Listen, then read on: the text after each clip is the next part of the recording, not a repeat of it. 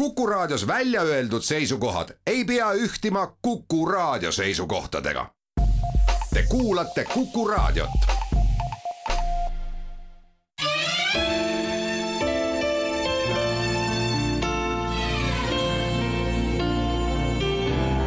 nädala raamat. Karl Wilhelm Veeber, Vana-Rooma argielu entsüklopeedia kirjastuselt Avita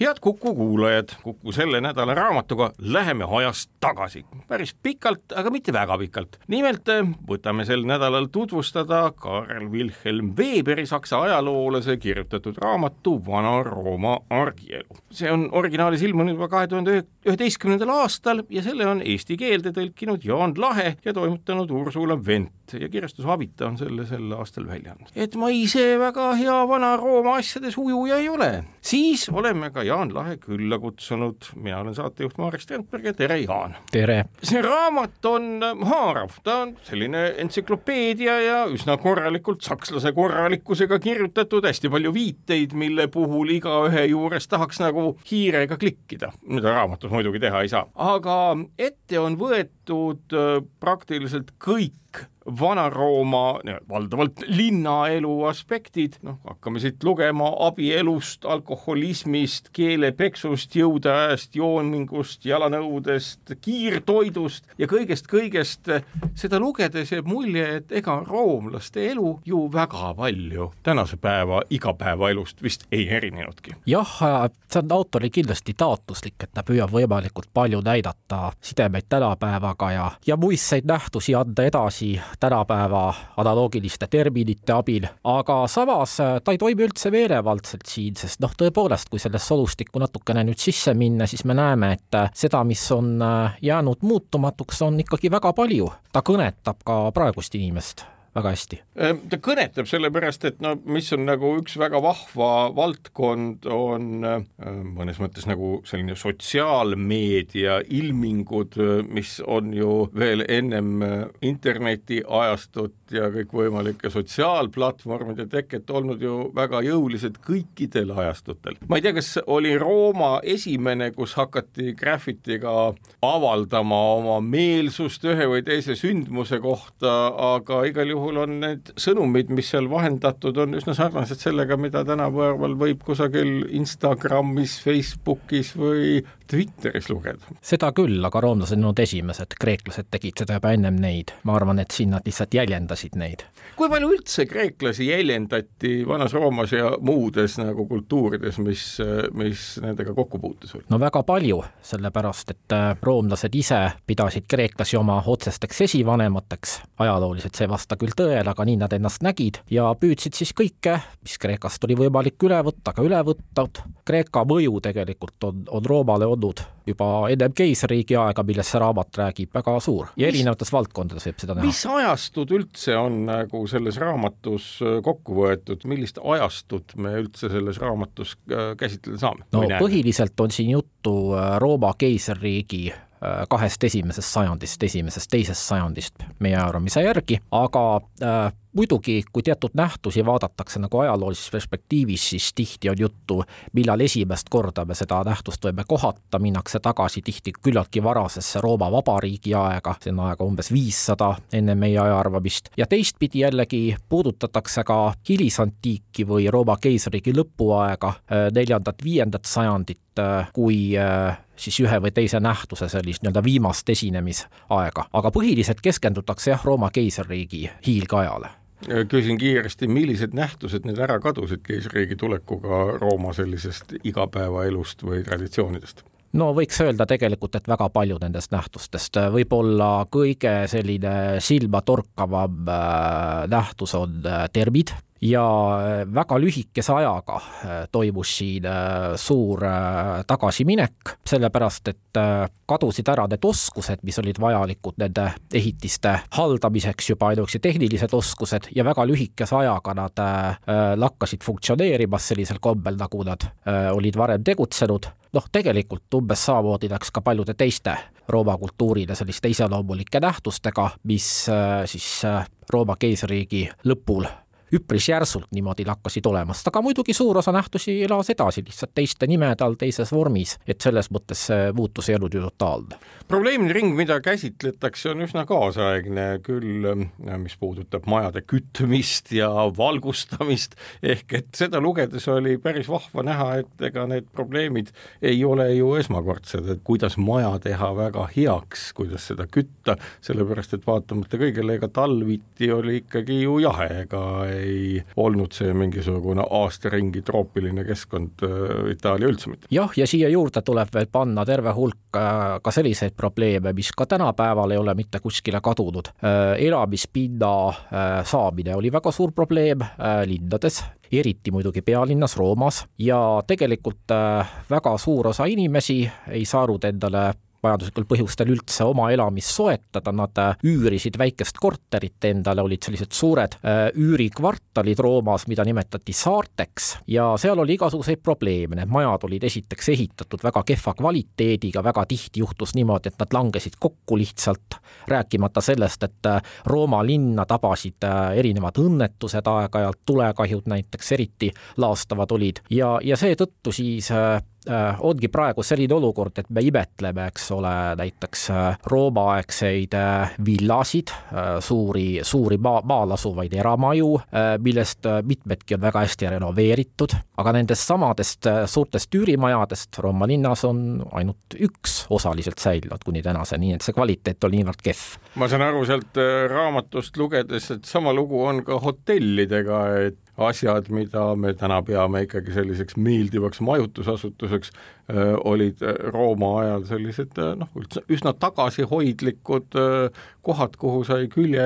maha panna ja pidid seda vahel tegema ka kellegiga, keda sa ei tahtnud oma toas nähagi, noh, meenutasid natukene nõukogudeaegset nii-öelda hotellimajandust. ja jah, ja, ja reisijad sellel ajal kurdavad hästi palju keisrikäe all selle üle, et, et nad peavad oma, oma öid saatma ebamugavates hotellitubades mööda, kus kõikvõimalikud putukad ja söödikud neid tülitavad, rääkimata ebameeldivatest naabritest, kes norskavad näiteks. ja, ja seetõttu, kui võimalik oli, eelistati siis oma tuttavate äh, kodudes äh, ööbida, aga noh, alati see ei olnud lihtsalt võimalik. muidugi olid olemas ka sellised suhteliselt luksuslikud ööbimisruumid, aga need olid mõeldud ainult väikesele valitute grupile. Rooma ühiskond oli juba teatavasti väga teravalt sotsiaalselt kihistunud ja ütleme siis niimoodi, et äh, see, mis oli võimalik siis kõrgema positsiooniga inimesele, seda tavaline lihtne inimene endale lubada ei saanud. tema pidi leppima ikka selle viletsa hotelliga ja, ja üüritud korteriga seal kuskil neljandal korrusel, kus ta siis pidi äh, pidevalt äh, käima äh, mööda treppi üles-alla, kurdetakse selle üle, et see oli väga väsitav, inimestel ei olnud tihti selles väikeses üürikorteris ka pliiti, kus toitu teha ja seetõttu tuli minna välja sööma. nii et näiteks see, mis Vahemere maades praegu väga levinud on, et süüakse palju väljas, meil siin see nii levinud ei ole, on tegelikult ikkagi Rooma ajast pärit, et tollal oli juba praktilistel põhjustel see, et kuna, kuna väga paljud inimesed ei saanud ise süüa endale teha, siis ainus võimalus üks soe kõhutäis saada, neil minna välja sööma. ja need toiduhinnad sellistes äh, ütleme nii-öelda kiir, tänapäevases mõistes kiirsöögikohtades äh, olid küllaltki väikesed, nii et ka lihtne inimene sai lubada endale seal käimist. aga kõigest muust räägime edasi oma järgmises saate osas head Kuku kuulajad, selle nädala raamatuks Vana-Rooma argielu, Karl Wilhelm Weberi kirjutatud ja Jaan Lahe tõlgitud. Jaan Lahega meil stuudios sel nädalal raamatut ja Rooma elu lahti seletamas mina saatejuht Marek Strandberg ja nende hotellide ja graffiti või siis nii-öelda sotsiaalmeedia ilmingute puhul meenus, et ühes kohas oli seal ka ma ei tea, kas siis hotellipeale või kuhugi kirjutatud graffiti, mis oli suunatud hotelliperemehele, kus oli nagu ütleme, räigemalt öeldud, aga et vaadake, me urineerisime teie voodisse ja teate miks? Teil ei olnud seal hotellis ööpotti, ehk nagu sotsiaalne kriitika toimis väga hästi ja ma saan aru, et tegelikult ju vaatamata sellele, et me räägime uhkelt sellest, millised kanalisatsioonisüsteemid Roomas olid, needsamad üürimajad, millest sa eelmises saate osas rääkisid, olid ikkagi küllaltki kesised ja igas toas pidigi olema ööpott, mida siis tühjendati. jah, just nimelt, et ühelt poolt äh, me näeme tõepoolest äh, väga arenenud linnaehitust, äh, erinevaid tehnilisi lahendusi, mida juba tollal suudeti pakkuda, aga samas selle kõrval ikkagi suur osa inimestest Rooma riigis pidi väga äh, lihtsalt, et, et mitte öelda kesiste elutingimustega hakkama saama ja ärme unusta ka seda, et äh, tegelikult äh, selles raamatus räägitakse ikkagi Rooma riigi elanikkonna vähemusest, selles mõttes, et suurem osa Rooma elanikkonnast äh, elas maal ja tegeles põllu harimisega. ja seesama autor, kes selle raamatu on kirjutanud, on kirjutanud ka ühe eraldi raamatu Rooma maaelu kohta, aga tundub, et see raamat ei ole nii populaarne kui linnaelu, sest temast on ainult üks trükk ilmunud, hiljem pole teda välja antud, erinevalt siis linnaelu raamatust, mida on palju trükke antud välja ja viimane trükk on ka täiesti läbi müüdud. no meil meeldib ilmselt samastada ennast Rooma ülikutega, samas ega nende ju raamatu järgi selle, mida, mida ma soojalt soovitan ikkagi lugeda, see on hea ülevaade meie, meie eellastest, kultuurilistest eellastest, kuigi vist ma arvan, et eestlastel geneetilist seost nendega ei ole, aga see selleks, seal oli ikkagi nagu see varanduslik kihistumine meeletult suur vist kõige jõukam selline teadlane, elik siis filosoof Seneca, tema oli oma mõistes ju täitsa miljonär, isegi multimiljonär. no võib vaieldamatult öelda, et nendel aastatel, kui ta valitses sisuliselt keiser Nero asemel riiki ja, ja ta valitses ju aastaid seda, oli ta Rooma riigi kõige rikkam mees. kuidas üldse see välja nägi, kuidas Roomast saadi rikkaks, mitte ameti järgi, mingite võimaluste järgi, mis see majanduslik mudel seal üldse oli, kust tulid maksud, millega riiki ülal pidada ja nii edasi? no oli erinevaid võimalusi, kõige tavalisem oli see, et varandus päriti oma vanematelt aga on ka küllaltki palju teada selliseid juhtumeid, kus äh, vaene inimene on ennast nii-öelda täiesti tühja koha pealt üles töötanud ja jõukaks saanud ja eriti palju on teada selliseid inimesi vabaks lastud orjade hulgast ühesõnaga noh, me teame ju kõik seda, et, et Rooma ühiskond oli orjanduslik ühiskond, orjad äh, moodustasid väga suure osa tööjõust seal, kuigi tuleb rõhutada vast, vastupidi siis stereotüübile, et selle kõrval oli olemas ka arvestatav hulk vabatööjõudu, tegelikult äh, needsamad lihtsad Rooma inimesed, kes seal üürimajades elasid, suurem osa äh, ei saanud mitte riigi kulul elatist, nagu üks teine stereotüüp väidab, vaid elasid ikkagi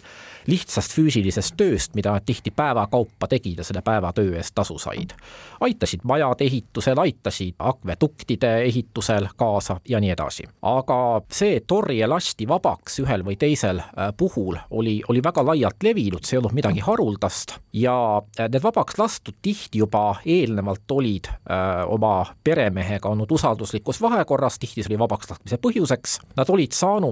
enda käsutusse arvestatavad äh, ressursid selleks, et näiteks väikest äri ajada äh, või olla edukas käsitööline ja mõned ettevõtlikumad neist äh, suutsid sellest kaugemalegi jõuda, kui nad said vabaks, siis nad ehitasid oma, oma väikesed käsitöökojad ja, ja, ja poed suurteks ettevõteteks Äh, hakkasid äh, aktiivselt kauplema, äh, rikastusid. Ja võib öelda niimoodi, et nii mõnedki Rooma vabaks lastud tegelikult materiaalselt olid kordades paremal järjel kui keskmised vabad inimesed. Peame ka ütlema ju seda, et tegelikult selline kommunikatsioon ja reklaaminduski olid ju tollases Roomas täiesti, täiesti levinud, olid olemas ajalehed, olid olemas reklaamid, millega ahvatleti inimesi üht või teist asja ostma, ehk et nagu ma ei usu nüüd, et Veeber selles raamatus no spetsiaalselt selle välja otsib, et kas Rooma oli esimene koht, kus ajalehed tekkisid ajastus mõttes või, või ikkagi ka kõigis riikides olid sellised teadaanded olemas? no mingil kujul teadaanded on igal pool olnud, aga ilmselt roomlased olid jah, esimesed, kes hakkasid nagu süstemaatiliselt põhjalikumalt päevauudiseid edasi andma. mis puudutab kommunikatsiooni, siis äh, tõepoolest see oli kogu Rooma riigis väga hästi korraldatud Rooma riik oli äh, väga heade teedevõrgustikuga, oli võimalik äh, liikuda, noh tollases mõttes muidugi suhteliselt lühikese ajaga ühest linnast teise, koos inimestega levisid siis mitte ainult kaubad, vaid ka uudised. Ja kui me Rooma linnagi peale mõtleme, no ta oli keisriga ajal juba miljoni linn, see on fakt, esimesel sajandil, aga siiski ta oli suhteliselt kompaktne linn, inimesed äh, suhtlesid oluliselt rohkem kui tänapäeva linnades ja seetõttu tegelikult see info liikumine selles, selles linnas oli suhteliselt kiire ja ka ütleme, info liikumine pealinna ja provintside vahel oli, oli tegelikult suhteliselt kiire. ma saan aru, et ega linnalised probleemid olid üsna lähedased sellega, mis tänasel päeval, et ega roomlased kurtsid sellesama raamatu vältel ju üldse üsna sageli seda, et et basaldist tehtud tänavakatete klõbin küll jalgade, küll rataste all, mis seal ringi liikusid, noh, mitte jalgrattad, vaid vankrattad, oli niivõrd väljakannatamatu, et äh, Rooma linnas nagu ennast välja puhata ei saanudki, tuli minna kuhugi mujale. Jah, just nimelt, need on tüüpilised suurlinna probleemid ka tänapäeval ja, ja seetõttu siis, äh, kellel vähegi võimalik oli, otsis endale ühe võimalusega siis väljaspool Rooma linna endale soetada elamine ja seal puhata. Äh, peale müra oli seal äh, tihti väga ebameeldiv äh, lõhn, äh, igasugused erinevad äh, käsitööettevõtted seda levitasid, inimeste liikumine oli väga tihe, tänavad olid ülerahvastatud ja väga väsitav oli seal liikuda ühest punktist teise, jõukamad inimesed said loomulikult kasutada selleks näiteks kandetooli, aga tavaline inimene äh, pidi ikka jala minema, pidi äh, küünarnukkidega teed äh, rajama endale inimüürist läbi ja sugugi haruldane polnud tollal ka see, et isegi linnadevahelisi reise võeti ette jalgsi, sest noh, teed olid head. teed olid head, aga samas hobust ei olnud võimalik rahalistel põhjustel igal inimesel üürida. käidi jala käidi jala ja käidi jala äh, isegi nõnda, et näiteks äh, Roomast rännati Lõuna-Itaaliasse sadade kilomeetrite kaugusele, see ei olnud üldse haruldane, vaid täiesti igapäevane asi. no linnade probleemid kulmineerusid ka noh, ütleme hiljem ju teame üheksateistkümnendal sajandil Londoniga, kus äh, hobuste hulk oli nii suur ja hobusesõnnik tekitas nagu tõsiseid õhusaaste ohte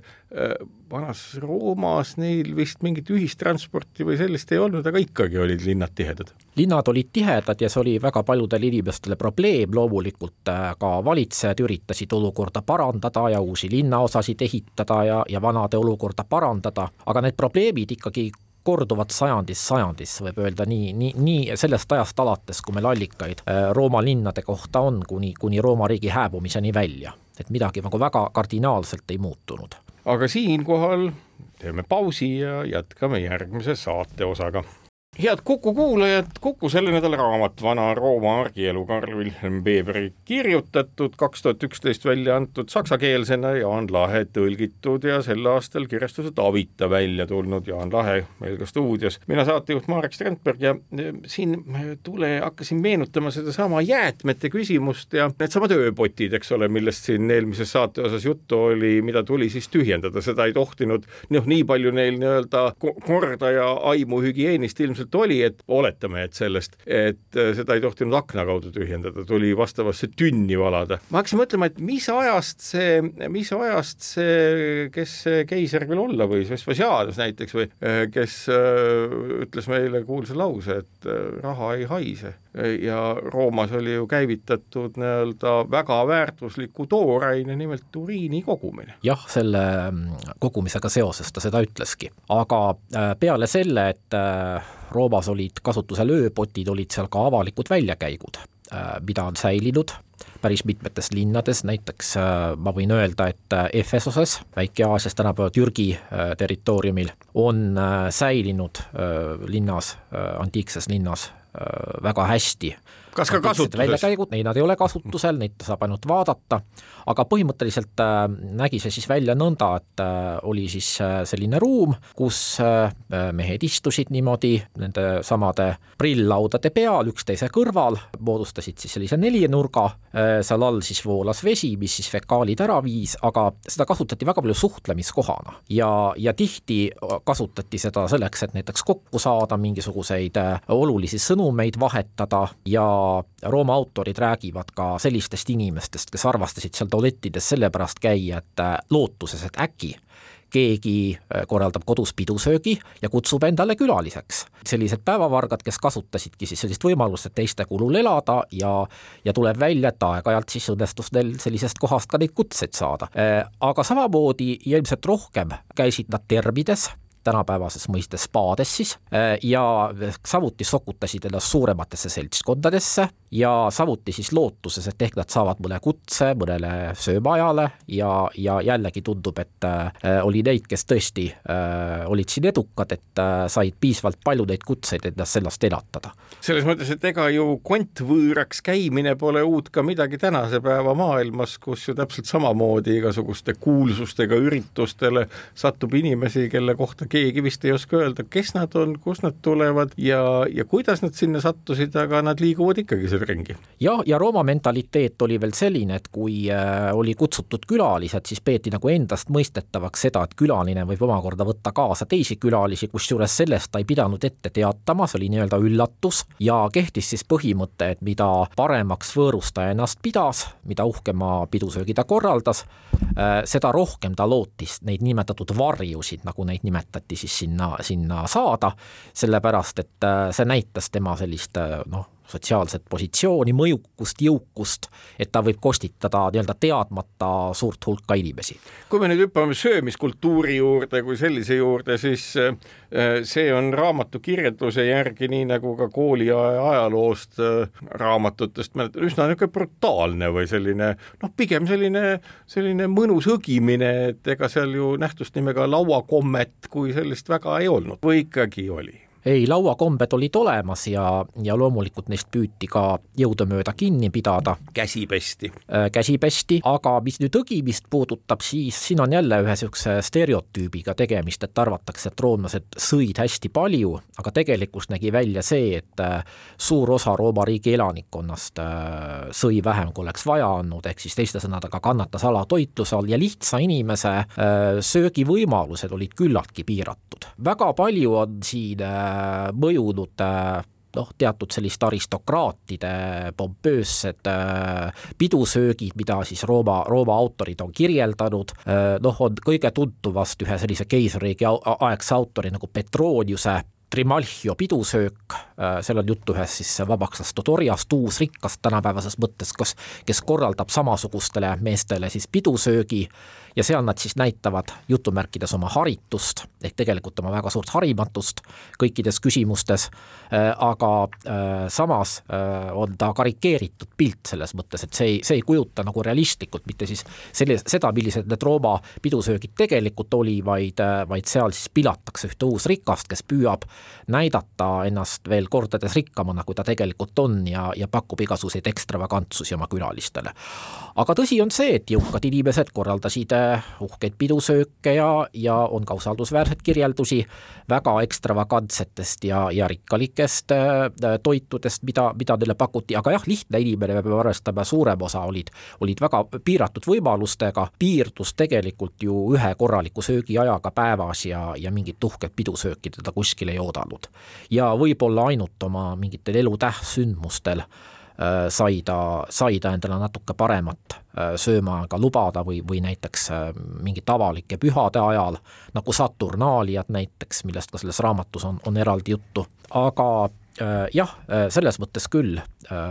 siin need sotsiaalsed erinevused ka, ka toitumise osas olid, olid väga, väga suured, aga mida tuleb rõhutada, on see, et neid võimalusi tegelikult e-, erinevat laadi heine saamiseks oli hästi palju Roomas ja oli võimalik teatud poodidest ka sooja toitu kaasa osta endale oli võimalik väga paljudes erinevates hinnaastmetes väljas söömas käia ja, ja loomulikult siis sinna juurde tulevad need äh, kodused võimalused veel ka, et äh, tegelikult äh, üpriski kirev on see pilt, kuidas roomlased sõid ja ka selles osas, mida nad sõid. aga, aga lihtsate inimeste toidu enamuse jah, moodustas siis teatud puder, köögiviljad ja, ja ütleme, liha ja kala näiteks selle, selle kõrval olid väga haruldased Äh, jõukamad inimesed muidugi võisid seda endale äh, pidevalt lubada. no kui vaadata ka hinnakirju, mida selles raamatus majanduse poole pealt kirjeldatud on, siis ega liha ja kala on ikkagi päris kallid ja võtaksid suure osa sellest teenistusest, mida lihttööline sai endaga kohe ära. jah, just nimelt ja, ja põhitoiduks olid siis erinevad äh, viljast valmistatud asjad, oli, oli selline spetsiaalne puder, mida väga palju seal söödi, spelta nisust valmistatud puder, siis söödi erinevaid leivatooteid, joodi veini, see ei olnud midagi haruldast, isegi orjadele pakuti veini, veini muidugi lahjendati ja see oli suhteliselt odav. ja ma saan aru, et see paljaid... oli kõige lihtsam viis ka seda vett steriliseerida, ehk et alkohol ju tappis ilmselt enamuse patogeenidest seal sees. ja täpselt, sellepärast et äh, puhta vee saamine oli, oli Rooma-suguses linnas ja teistes suurtes linnades ikka väga suur probleem oled purjus või oled surnud. jah, umbes nii. aga sellest edasi räägime oma järgmises saate osas head Kuku kuulajad, Kuku selle nädala raamat Vana-Rooma argielu, Karl Wilhelm Weberi kirjutatud, kaks tuhat üksteist eesti keelde Jaan Lahe poolt tõlgitud. Jaan Lahe meil ka stuudios, mina saatejuht Marek Strandberg ja kõnelesime siin sellest, millised olid toitumiskombed. raamat on täis kõikvõimalikke elualade kirjeldusi ja, ja inimeste, inimeste tegevusi, noh, neist on hea ülevaate saamiseks ikka aega mõned päevad, et see läbi lugeda, aga tunne, et äh, kõik see, mida me täna näeme, on juba kunagi varem alguse saanud, on, on äh, väga ilmne. üks huvitav asi on see, et äh, ega ju vanas Roomas, kui lugeda Weberi kirjutatud õpetajate osa, on see üsna üllatav, et haridus ja õpetajaamet olid sellised noh, pigem nagu ma ei oskagi öelda, põlatud või alaväärsed, et nad ei olnud väga nii ülistatud, nagu me kujutaksime ette, et noh, Rooma ja kõik, mis muu. jah, kui lugeda tollaste õpetajate kurtmisi, siis jääb äh, mulje, et siin on väga suur sarnasus sellega, millest Eestis nii kaua on aega räägitud, õpetajate palgad on väiksed, tõepoolest äh, õpetajad kurdavad, et, et nende tasu on väike ja tihti oli nii, et seda väikest tasu polnud isegi võimalik kätte saada, kuna tellija ehk siis lapsevanem nii-öelda hüppas ühel hetkel lihtsalt alt ära ei maksnud ja koole kui selliseid Vana-Roomas ei olnud, et õpetus oli ikkagi nagu eralõbu?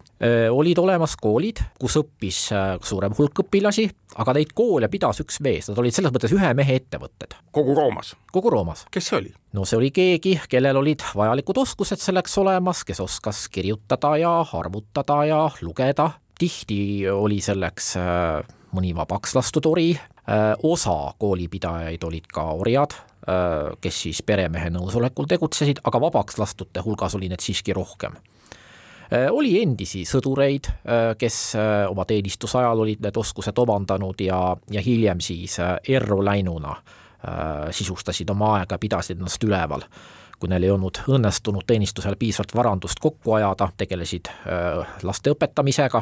aga jah, selle elukutse prestiiž tõepoolest oli madal, kuigi paradoksaalsel viisil haridust kui sellist ju Rooma kultuur väärtustas Äh, mis siis, et seda suhteliselt praktiliselt vaadati eeskätt, äh, aga äh, ikkagi seda, et inimene on kirjaoskaja ja, ja, ja oskab arvutada, neid, neid oskusi peeti elementaarseks, noh rääkimata sellest, et ta tunneb esivanemate pärimusi ja, ja kirjandust, nii et selles mõttes siis siin on selline vastuolu olemas küll, aga see on väga silmahakkav nagu roomaaegsetes tekstides, kui neid lugeda. kirjaoskuse taseme mõttes Rooma oli milline? Enamus oskas kirjutada, lugeda või pigem oli see selline harv asi, sellepärast et Weber räägib ka seal paljudes kohtades sellest, kuidas noh, raamatuid ja uudiseid nagu ette loed? no pigem peaks ütlema Rooma kohta nüüd niimoodi, et noh, kui me näiteks vanast Egiptusest räägime, siis, siis seal oli väga väikene hulk Äh,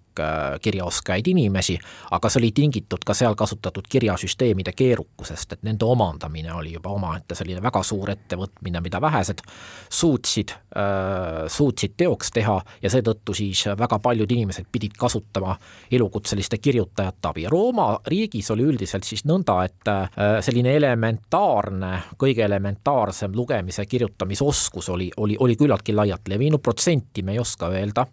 üldse ju tollaste, tollaste protsentidega on nõnda, et nad on kõik väga oletuslikud ja ligikaudsed, kui me linnade elanikestki räägime, siis siis äh, sedagi saab väga, väga ligikaudselt määrata. aga mis nagu iseloomulik oli Roomale see, et suure osa inimeste kirjutamis-lugemisoskuse tase ei olnud eriti kõrge. ehk siis nad tõepoolest suutsid äh, veerida tänapäevases mõttes,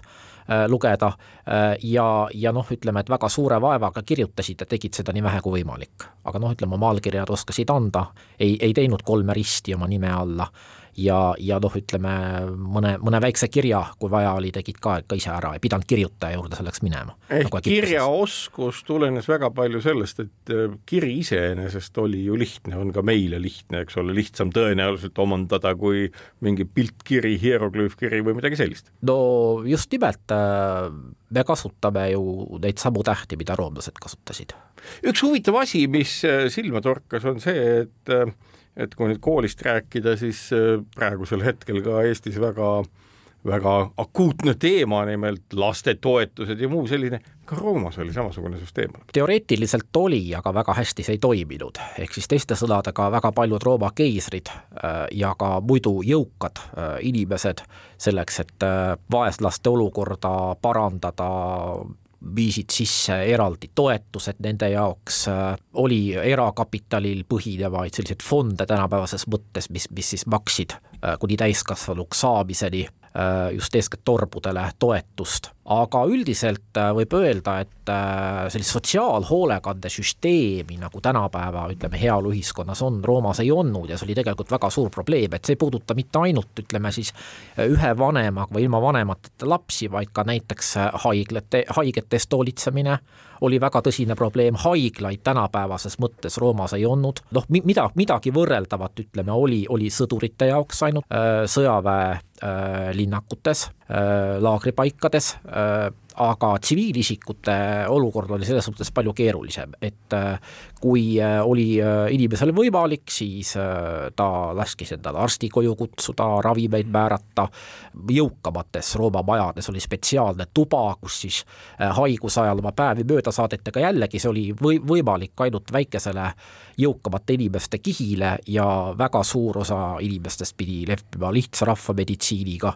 või ei saanud isegi üldse arstiabi endale lubada. Nii et selles mõttes jällegi need kontrastid seisuste vahel tulevad väga selgelt välja. üks asi, mis äh, siin jutuks tuli, ongi nüüd arstiabi, et äh, arst kui ametipidaja võis olla Roomas põhimõtteliselt kes iganes, kes tõstis käe püsti ja ütles, et mina olen arst, olgu ta siis šarlatan või on tal mingid õpingud selja taga ja oskab midagi, ehk et see oli üks omapärasemaid asju. Egiptuses vist isegi sel moel asjad ei olnud, aga võib-olla ma ka eksin. no põhimõtteliselt olid samamoodi, aga aga mingil määral ravida pidi see arst ikkagi oskama, et loomulikult mingit tunnistust hariduse kohta keegi talt ei nõudnud ja, ja see, seda ei olnud keeldatud üldse, et eraldi on arstikunsti mingisuguse äh, suure õpingute tsükli pidanud läbi tegema kuskil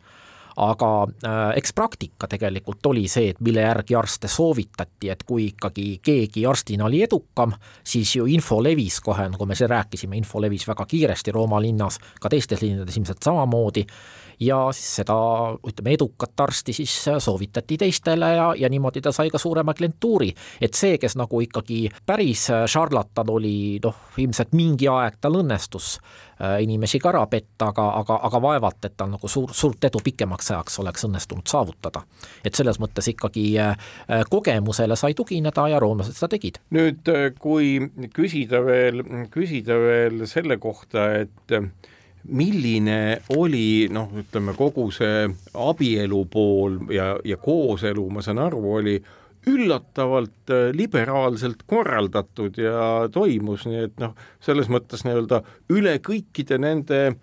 selliste religioossete ja dogmaatiliste aegade tundub Rooma üsna, üsna, üsna kodune. jah, aga seal peab silmas pidama kahte asja, et üks on äh, nii-öelda ametlik ideaal äh, ja teine asi on see elu tegelikkus ja äh, nii nagu ka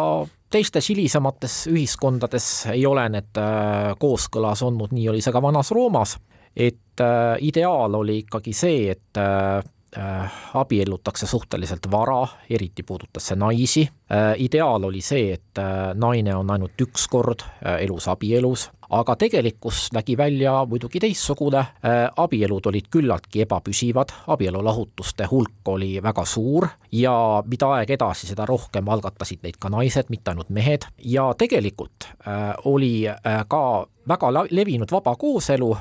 Vanas Roomas ja selle põhjuseks oli siis eeskätt see, et teatud seisustesse kuuluvatel inimestel ei olekski üldse võimalik teisiti olnud koos elada. noh, üks näide on Rooma sõdurid, kellel väga kaua aega keisririigi ajal oli armeeteenistuse ajal keelatud abielluda mõte oli siis see, et sõdur on siis hästi pühendunud oma, oma kutsetegevusele, aga tegelikkuses lahendati see probleem siis nõnda, nad leidsid endale lihtsalt elukaaslase ja elasid sellega sealsamas eh, sõjaväelaagri lähedal koos ja, ja täiesti eh, laialt levinud oli see just selliste elukutsete puhul, kus olid teatud piirangud seotud või kui näiteks oli, oli tegemist erinevatesse seisustesse kuuluvate inimestega, kes nagu ei oleks tohtinud omavahel abielluda, siis äh, kooselu esines küll nende vahel, aga seda lihtsalt abieluks ei nimetatud. kuigi sisuliselt oli, oli kõik nagu saamisabielus. aga edasi räägime juba oma järgmises saate osas. head Kuku kuulajad, Kuku selle nädala raamat, Vana-Rooma argielukaar Wilhelm Weberi kirjutatud ja on lahet tõlgitud Avita kirjastuselt sel aastal välja antud. mina saatejuht Marek Sandberg, on lahe meil stuudios ka sel nädalal külas. ma vaatasin, see raamat, noh, väga paljud asjad minu kui ajaloo kauge inimese jaoks olid siin üsna huvitavad ja uued. kuidas sinuga on, kas sa seda raamatut lugedes leidsid midagi, mida sa varem ei teadnud? vaatenurk, mida sul varem ei olnud? tunnistan ausalt, et väga suuri üllatusi see raamat äh, mulle ei toodud kaasa, sellepärast et nendest erinevatest nähtustest ma olin äh, piisavalt palju ka juba varem lugenud, aga mis mulle meeldis, oli see, et äh, siin on kõik need nähtused võetud ilusti ühtede kaante vahele kokku, on väga põhjalikult käsitletud, on hästi palju toodud katkendeid erinevatest antiikallikatest, mis illustreerivad neid nähtusi. Ja väga tore oli see, et siin on palju luuletekste ja arvestatav hulk nendest luuletekstidest on äh, nüüd siis äh, otse tõlgitud ladina keelest, seda peaasjalikult äh, on teinud meie latinist Ivo Volt Tartust, äh, kes on värsis tõlkinud ära äh, siin terve hulga sellist äh, Rooma luulet, mida varem ei olegi üldse eestindatud. just selle raamatu jaoks? just selle raamatu jaoks ja, ja. ja see annab sellele raamatule väärtust veel juurde, sest need argielulised luuletused on tegelikult noh, mitte ainult tore lugeda, vaid nad on väga oluline infoallikas ka võtame sellise valdkonna nagu on vaba aeg ja meelelahutus. ma saan aru, et leiba ja vaatemänge mõiste oli see, millega sajandeid see riik oma rahvast äh, lõbustas ja nii-öelda probleemidest eemal hoidis ja närvisüsteemi turgutas. jah, äh, kõikvõimalikud meelelahutused moodustasid roomlaste elus tõesti väga äh, väga olulise valdkonna isegi siis, kui äh, inimesed pidid tegema rasket füüsilist tööd ja, ja neil jäi väga vähe jõuda aega, äh, siis ometi, kui neil seda oli, püüdsid nad seda ära kasutada ja nii Rooma linn kui teised Rooma riigi linnad pakkusid selleks väga palju erinevaid võimalusi. Noh, üks selline armastatumaid kohti, mida, mida roomlased külastasid, oli äh, amfiteater, kus äh, korraldati gladiaatorite võitlusi, need olid siis äh, spetsiaalselt välja õpetatud võitlejad, areenivõitlejad, kes kasutasid päris relvi ja võitlus käis elu ja surma peale. ja samuti korraldati siis võitlusi gladiaatorite ja loomade vahel, loomad lasti omavahel kokku, need mängud olid tohutult populaarsed nii et kui parasjagu juhtusid mõnes linna amfiteatris ja neid oli linnas palju, taolised mängud toimuma, siis oli see üks põhiline selline jututeema, millest inimesed rääkisid, tehti panuseid erinevate võitlejate peale ja nii edasi. kuigi hasartmängud vist ei olnud roomlastel lubatud, panuseid võis ikka teha. no see oli nii-öelda mitteametlik jah, ja, ja panuseid tehti küll gladiaatorite peale, et see oli täiesti tavaline. Äh, siis teine selline äh, oluline koht, äh, mida külastati väga suure heameelega amfiteatri kõrval oli tsirkus, aga see tsirkus ei ole see, mis ta tänapäevases mõttes on. seal ei esinenud mitte siis klounid ja akrobaadid, vaid tsirkuses toimusid kaariku võidusõidud. ja kaariku võidusõitude vaatamine oli siis ka üks selline roomlaste lemmiktegevus äh, olid erinevad äh, siis sellised äh, noh, tänapäevases mõttes võiks öelda võistkonnad, mida siis värvide järgi nimetati, neil oli oma fännklaab, oma pooldajaskond äh,, kes elas neile kaasa ja, ja tundub, et väga paljudele inimestele oli lausa oma identiteedi osa see, et millise võistkonna toetaja ta on. Need võistkonnad lõid ka teinekord kaasa poliitilises elus ühe või teise ütleme siis ametisse kandideeriva kandidaadi toetamisel või talle vastutöötamisel, sõltuvalt sellest, milline tema suhe oli siis selle võistkonnaga ja väga-väga palju siis külastati hobuste võiduajamisi ja olid siis jõukad roodlased, kes võitsid ju hobuse ja kaariku omanikuna, seda autasu ei saanud muuseas mitte juht, vaid kaariku omanik ja hobuste omanik, suutsid päris korraliku varanduse kokku ajada endale sellega. Ometi oli ju Roomas, kui nüüd gladiaatorid kõrvale jätta, kes olid arusaadavalt orjad vist, olid ikkagi nagu meelelahutajad ju sissetulekute mõttes üsna heal järjel inimesed. no see oli väga erinev selles mõttes, et äh, oli neid tõesti, kes äh, olid edukad oma valdkonnas ja, ja said head sissetulekut aga oli neid ka, kes äh, tulid äh, kuidagi ots otsaga toime, et siin ikkagi sõltus nagu tänapäevalgi väga palju inimese, ütleme, andekusest ja ettevõtlikkusest ja ja tihti ka õnnest, et millistesse tingimustesse tal õnnestus sattuda. millises tualetis sa oled kellegiga koos istunud? jah, umbes niimoodi, utreeritud võiks öelda küll. Äh, siis veel väga olulise koha roomlaste elus moodustasid termid, mis olid siis avalikud suplusasutused, need avati tavaliselt siis kusagil peale lõunal ja äh, terme kasutati väga erineval otstarbel, et seal ei käidud mitte siis ainult ujumas, nagu, nagu ekslikult võiks arvata, või ka saunas, kuigi ka pesemisvõimalused ju tegelikult nendes üürimajades, me võime ette kujutada, olid väga, väga kasinad ja kasutati võimalust siis, et, et käia seal pesemas, kuigi olid ka eraldi saunad olemas termide kõrval, kus, kus ainult pesemisega tegeletigi. aga termid olid äh, tänapäevases mõttes siis tõesti sellised äh, vee- ja vaba aja keskused, kus peale äh, ujumise ja suplemise võimeldi, spetsiaalsed ruumid olid seal võimlemise jaoks, mängiti sportlikke mänge, eriti armastatud olid pallimängud, mida siis grupp mehi mängis. Äh, kusjuures jällegi äh, seesama suhtlemise aspekt tuleb ka, et äh, oli tavaks siis see, et kui pallimäng oli käimas, siis võõrad sellega liitusid ja niimoodi tekkisid inimestevahelised suhted ja sageli kasulikke suhteid õnnestus just niimoodi luua, et satuti nii-öelda õigesse mängu. õigesse mängu. no mõnes mõttes on see tänase päevani, noh, pallimäng nimega golf ju enam-vähem sellist suhtlust ju üleval hoiab. ja täpselt, aga peale selle äh, oli termides võimalik ka keskmisest paremini süüa, seal oli oma nii-öelda einelaud olemas, äh, seal oli võimalik äh, raamatukogu külastada, raamatuid lugeda, äh, kellel huvi selle vastu oli ja mõnede suurte termide raamatukogud olid väga rikkalikud, aga samamoodi oli seal võimalik näiteks vaadata tantsijate esinemist, kuulata muusikuid ja ka prostituudid kasutasid termisid oma sellise klientide leidmise kohana väga tihti. aitäh Jaan Lahe tulemast lahti rääkima neid aspekte, mida on väga vähe, me jõudsime võib-olla, ma ei tea, selle nädalaga vast mõne protsendisest raamatust läbi käia. igal juhul selle nädala raamat Vana-Rooma argielu Karl Wilhelm Weberilt Jaan Lahe tõlkes siin teie ees oli. põnev lugemine, aga sellega on siis ka nädalaraamat ühel pool ja head lugemist teile ja kaunist päeva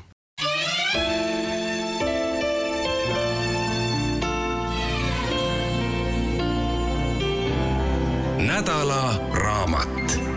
Karl Wilhelm Veeber, Vana-Rooma argielu entsüklopeedia kirjastuselt Avita